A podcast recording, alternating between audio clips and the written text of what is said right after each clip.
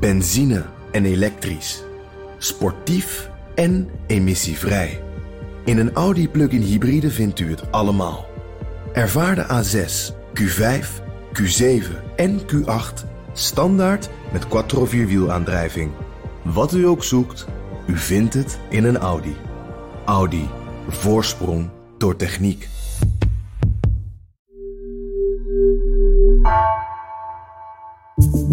Vanaf de redactie van NRC het verhaal van vandaag. Mijn naam is Egbert Kalsen.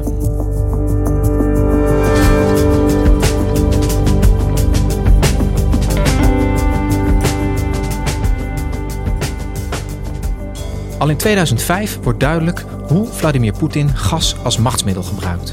Maar dan is het te laat voor Nederland om in te grijpen. De staat heeft de gasvoorziening dan al grotendeels aan het bedrijfsleven gegeven. De contracten zijn gesloten pijpleidingen liggen er. Verslaggever Tom-Jan Meus dook in de geschiedenis van het Nederlandse gas. En hij vertelt hoe Nederland in deze kwetsbare en afhankelijke positie terecht is gekomen.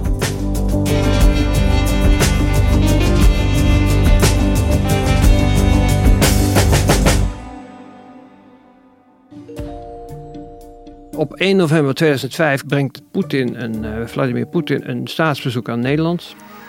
Dames en heren, goedenavond. Het heeft meer dan 300 jaar geduurd, maar vandaag brengt een Russisch staatshoofd eindelijk weer een officieel bezoek aan Nederland.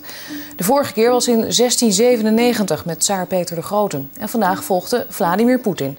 En in dat kader heeft hij een ontmoeting in Amsterdam met de top van het Nederlandse bedrijfsleven, waarbij ook aanwezig is een grote kabinetsdelegatie en de kroonprins Willem-Alexander. In de ambtswoning van burgemeester Cohen ontmoet Poetin de top van het Nederlandse bedrijfsleven. De bestuursvoorzitters van belangrijke Nederlandse ondernemingen hebben grote belangstelling voor Rusland. En daarbij is ook aanwezig Jeroen van der Veer, op dat moment de baas van Shell. De Groningse aardgasbel, die best heel groot is, maar die is wel al voor de helft leeg. En je moet natuurlijk ook al nu al gaan nadenken hoe onze energievoorziening in West-Europa in 20 of 30 jaar eh, eruit kan zien. En dat zijn natuurlijk allemaal ondernemingskansen voor ons. Er is gewoon een vraag- en antwoord sessie met Poetin. Daar bestuursvoorzitters uh, hebben we allemaal de kans om een vraag te stellen. En om dit uh, verhaal te reconstrueren heb ik een, een reeks aanwezigen gesproken. Onder wie Laurens-Jan Brinkhorst, dat is de minister van Economische Zaken. Dat is wel een belangrijker, want die was de voorzitter van de bijeenkomst. Ik ben bij het begin bij geweest en daarna is er nog even een, onder vier ogen geweest. Maar ik ben wel erbij geweest en ik heb het dus gezien. Shell is op dat moment in Siberië heeft in handen het grootste energieproject ter wereld. Dat is een uitvoering, daar zitten financiële tegenvallers in. En het is uh, Shell en Jeroen van der Veer op dat moment al lang duidelijk dat Poetin daarover zaggerijnig is. Het gesprek was tussen Van der Veer en Poetin en ik zat er dus bij. Uh, en, en heb dus ook gemerkt hoe geleidelijk aan het een steeds harder gesprek werd. Jeroen van der Veer stelt ook een vraag waarin hij refereert aan het belang van betrouwbaarheid van contracten. Want Shell zegt ja, het zit financieel tegen, maar dat is contractueel vastgelegd hoe we daarmee omgaan. En uh, zodra Poetin het woord krijgt, uh, in reactie op Jeroen van der Veer, begint hij uh, met een buitengewoon bijtend, agressief betoog. Waarin hij eigenlijk laat doorklinken: ja, luister hier, wat jullie allemaal hier te zeggen hebben. Dat maakt mij niks uit. Je moet je wel realiseren voor mij is een project in Siberië een Russisch project. En uiteindelijk bepaal ik hoe we daarmee omgaan en niet Shell. Ik, ik denk dat zijn overweging was, ja, ik onderhandel nu met Poetin op dezelfde manier als ik praat met een, een, een Esso of een Mobil. Uh, maar hij had hier te maken met iemand die een dubbele pet op had. En dan ziet Nederland, ziet gezaghebbend Nederland, hoe Poetin werkelijk denkt over gashandel, open markten, geliberaliseerde markten. Want daar, heeft, hecht hij geen enkele waarde aan. Hij hecht uitsluitend waarde aan zijn eigen belang. En al het andere zal hem uh, worst wezen. Ja, hij, gebruikt de politieke macht om ook op energiegebied, dus in dit geval het punt van gasproductie gaswinning, uh, duidelijk te maken wie de baas is. En een van de bestuursvoorzitters die ik heb gesproken, die had ook met zijn uh, bedrijf behoorlijke investeringen in Rusland lopen. En die heeft daarna meteen intern gezegd: Nou, die investeringen die gaan we niet meteen terugtrekken, maar we doen er geen cent meer bij. We gaan geen nieuwe investeringen meer doen, want dit land is geen markteconomie. Die Poetin is niet te vertrouwen. Zodra jij afhankelijk van hem bent, pakt hij je. Dus voor dit soort bedrijven was dit een heel helder verhaal. Maar de overheid was volstrekt afhankelijk van Russisch gas. Dus de overheid eh, besluit dan anders dan sommige van die bedrijven. De zaken, eh, de handelsrelaties met Poetin niet zozeer eh, terug te brengen, maar uit te breiden. Meneer president, ik ben u zeer erkentelijk voor het bezoek van u en uw delegatie aan Nederland. Het onderstreept de bijzondere relatie tussen de Russische Federatie en Nederland. En we kunnen zeggen dat het bezoek tot nu toe zeer succesvol is verlopen. Je haalt een, uh, een mooi moment aan. Uh, 17 jaar geleden, een belangrijk moment in, uh, in de Nederlandse gaspolitiek zou je kunnen zeggen. Nu, 2022, is gas ook weer volop in het nieuws. Onder andere ook door, door oorlog in Oekraïne met diezelfde Poetin. Waarom is het voor jou zo belangrijk om zo ver terug te kijken als het over dit dossier gaat? nou ja, kijk, ik heb de afgelopen tien jaar voor NRC actuele politiek verslagen in columns en een rubriek op zaterdag. En kijk, actualiteit is eigenlijk een beetje een raar ding, want dat is eigenlijk heel vaak in Den Haag lopen van incident naar incident. En uh, je hebt, uh, ik ook, je hebt vaak gewoon geen tijd om de structuren onder die incidenten uit te diepen. En waar ik zelf dacht, nou, ik moet sowieso eens wat anders gaan doen, uh, vond ik het ook interessant om in die structuren te duiken. Nou, de energiemarkt uh, is natuurlijk het afgelopen jaren een groot thema geweest. Dus uh, het lag uh, in zekere zin een beetje voor de hand om als eerste onderwerp in mijn nieuwe bestaan als journalist te kijken naar hoe is Nederland, hoe is de Europese Unie in een wereld van vrije energiemarkten gekomen. Dus dat ben ik gaan onderzoeken. Ja, en nou, neem ons eens mee, zou ik bijna willen zeggen. Hoe zijn we in deze positie terechtgekomen? Het is in de grond een, een project van de Europese Unie. Dus de Europese Commissie uh, ontwikkelt vanaf medio jaren 80 eerste tentatieve plannen om die markten open uh, te brengen. En het idee is dan de handelsverhoudingen tussen de lidstaten moeten verbeteren. Er moet gewoon meer handel komen. We moeten ruimte maken van het feit dat de economische grenzen zijn vervallen.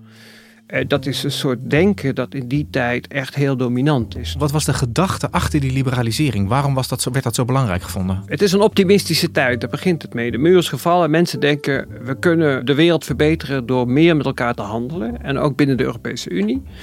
En die overheidsmonopolies in de energie, in het stroom en het gas, die zijn voor met name grotere bedrijven een belemmering om zaken te doen. Dus uh, het idee is, die monopolies die breken we op. Dat worden in principe commerciële ondernemingen. Het was gewoon ook uh, vanuit ons huidige perspectief een hele ouderwetse manier van handelen. Dus het was ook niet, het was er geen op zichzelf geen waanzinnig idee om daar iets aan te doen. Het moest de macht eigenlijk uh, bij de consument gaan leggen. Is dat een goede samenvatting? Bij de bedrijven en de consumenten. En uh, die voorstellen die zijn er in de Europese Unie. Hoe staat Nederland in dit debat? Die voorstellen en die komen op het bord van een minister die heet Koos Andriessen. Die man die was afkomstig uit de werkgeverslobby. Was een wat conservatieve oudere heer toen al. En die zag helemaal niks in. En die heeft eigenlijk twee principiële bezwaren. Het eerste is vanuit zijn perspectief draait alles bij energiebeleid om een begrip dat noemen we voorzieningszekerheid.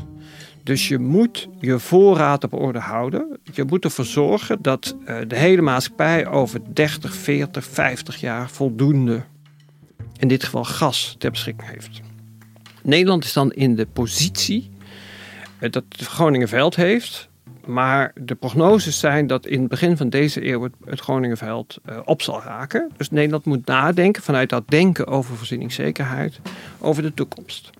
Ja, kijk, als je er een gasmarkt van maakt, dan maak je het veel ingewikkelder om lange termijn contracten te kunnen sluiten. Want dan, dan ga je voortdurend letten op de prijs.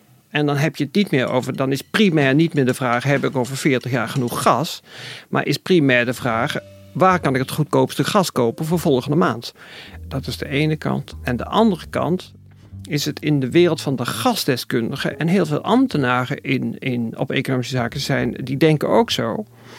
Die zeggen allemaal, ja luister eens, uh, die gasmarkt, als Nederland wegvalt als leverancier van gas, zullen er in de praktijk maar twee potentiële leveranciers van gas overblijven. Dat zijn uh, Noorwegen, wat toen nog een relatief kleine speler was, en Rusland dan, dan creëer je geen markt, maar een soort commandocultuur. Waarbij de leveranciers toch de macht houden.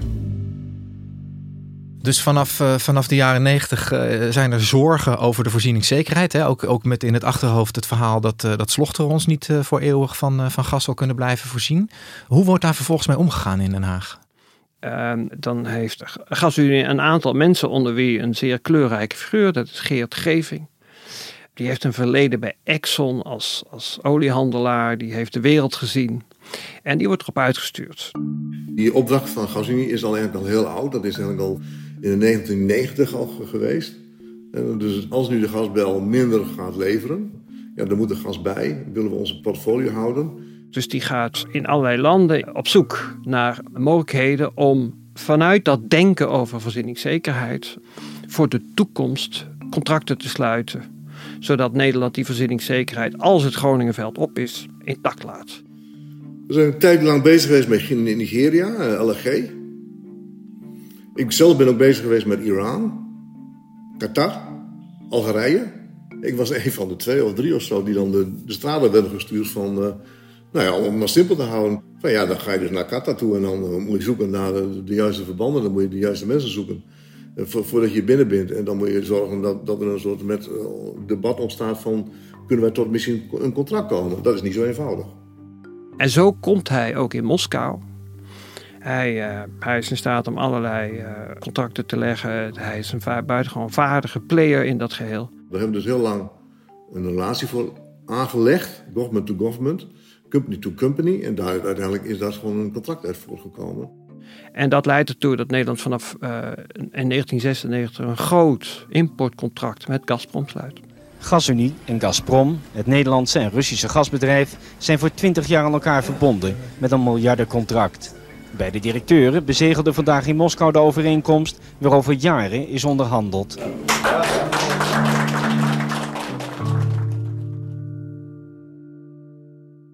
Dus dat contract met Gazprom, dat wordt in 1996 getekend. Dat is nog voordat die, die, die gasmarkt wordt vrijgegeven.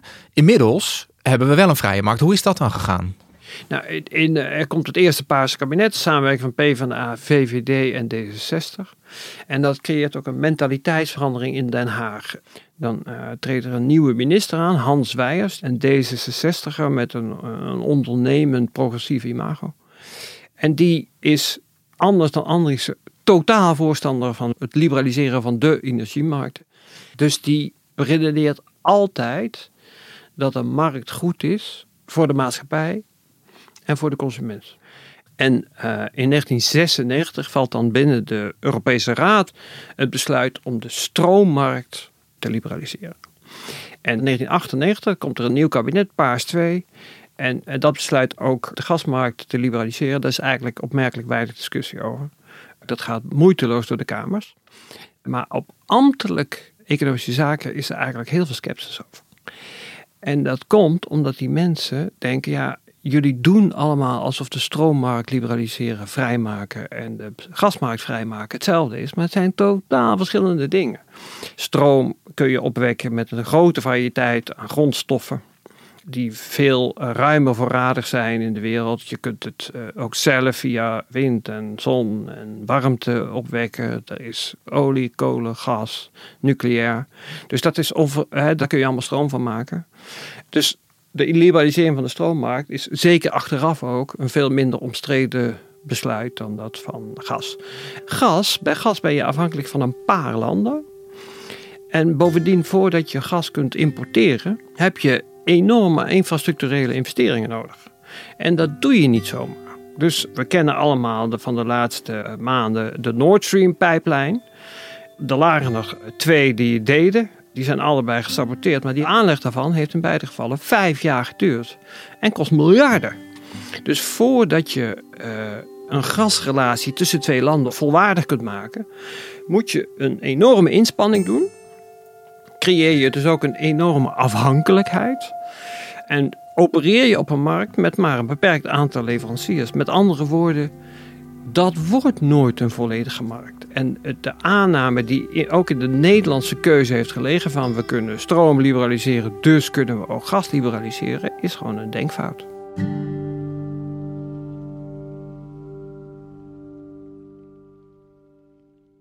En hoe past nou die ontmoeting in 2005 tussen Poetin en Shellbaas Van de Veer in dit verhaal? Uh, de, de Nederlanders en de Europese Unie die denken, wij hebben een open gasmarkt. Dat bevordert de handel, dan kunnen wij zo goedkoop mogelijk gas eh, voor onze toekomst betrekken. En Poetin redeneert, ik heb helemaal niks te maken met die liberalisering van jullie. Rusland heeft heel veel gas. Ik ben de eigenaar. En uh, ja, veel succes met je marktprincipes. En wat daar dus blijkt, is dat die twee elkaar totaal niet begrepen hebben. Maar ook en vooral dat Europa en dus ook Nederland volstrekt afhankelijk is van degene die zegt: Ik heb niks te maken met je liberalisering. Dus eigenlijk wordt dan op zeer eh, bijtende wijze, zoals jij het omschreef, duidelijk dat Nederland eigenlijk super kwetsbaar is met die afhankelijkheid van Rusland. Wat wordt er daarna met die kennis gedaan? Hoe gaat dat debat na 2005? Nou kijk, je ziet eigenlijk twee soorten reacties. De politiek eh, intern in de binnenwereld van Den Haag is de realisatie: dit is foute. Dit is foute. Dat, mensen hebben dat echt wel door. Alleen die zeggen dan ja, maar wij konden niet anders. We, we zaten in die geliberaliseerde markt. Uh, we hadden die gasrelaties met, uh, met Rusland, met Gazprom. We wisten dat we voor onze voorzieningszekerheid afhankelijk waren van Rusland. Dus de enige optie die we hadden was doorgaan op de ingeslagen weg. Er zijn ook in Nederland echt vrij veel deskundigen van hoe die gasmarkt werkt. En die zijn wel met een zeker fanatisme rapporten blijven schrijven met toch vrij pregnante waarschuwingen. Dus dat denken, dit gebeurt in 2008.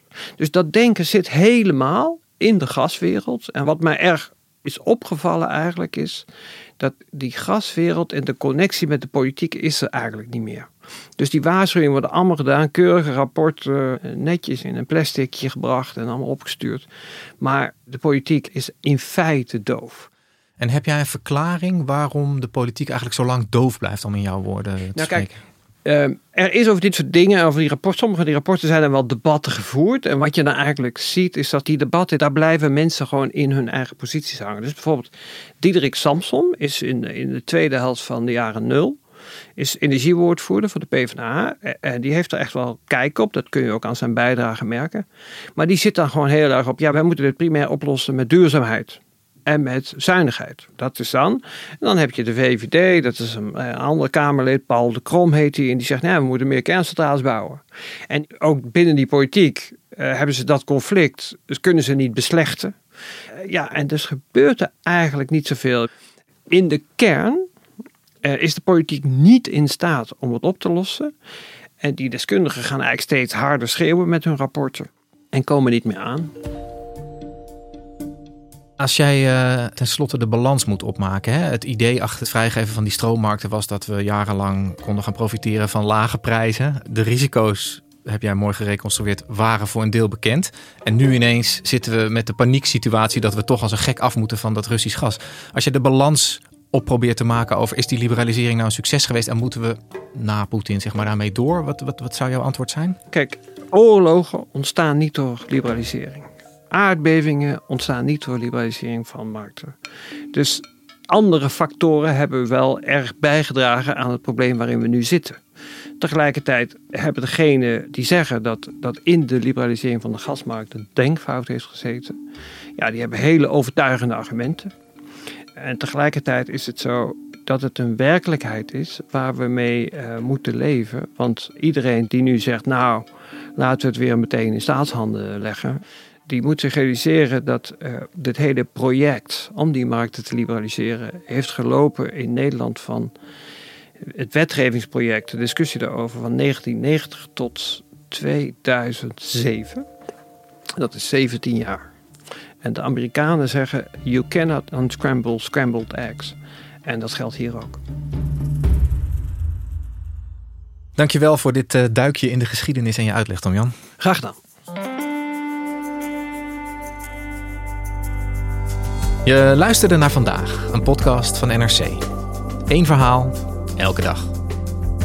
Deze aflevering werd gemaakt door Ruben Pest, Iris Verhulsdonk en Bas van Win. Dit was vandaag, morgen weer.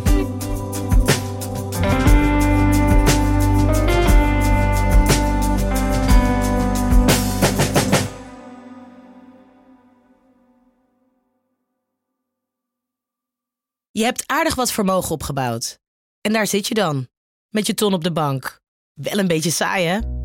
Wil jij, als belegger, onderdeel zijn van het verleden of van de toekomst?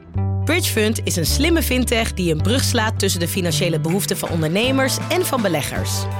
Dus wie belegt bij Bridgefund krijgt niet alleen een mooie vaste rente, maar brengt ook ondernemers in beweging. Echt waar, met die ton kan je zoveel betere dingen doen. Bridgefund. Make money smile.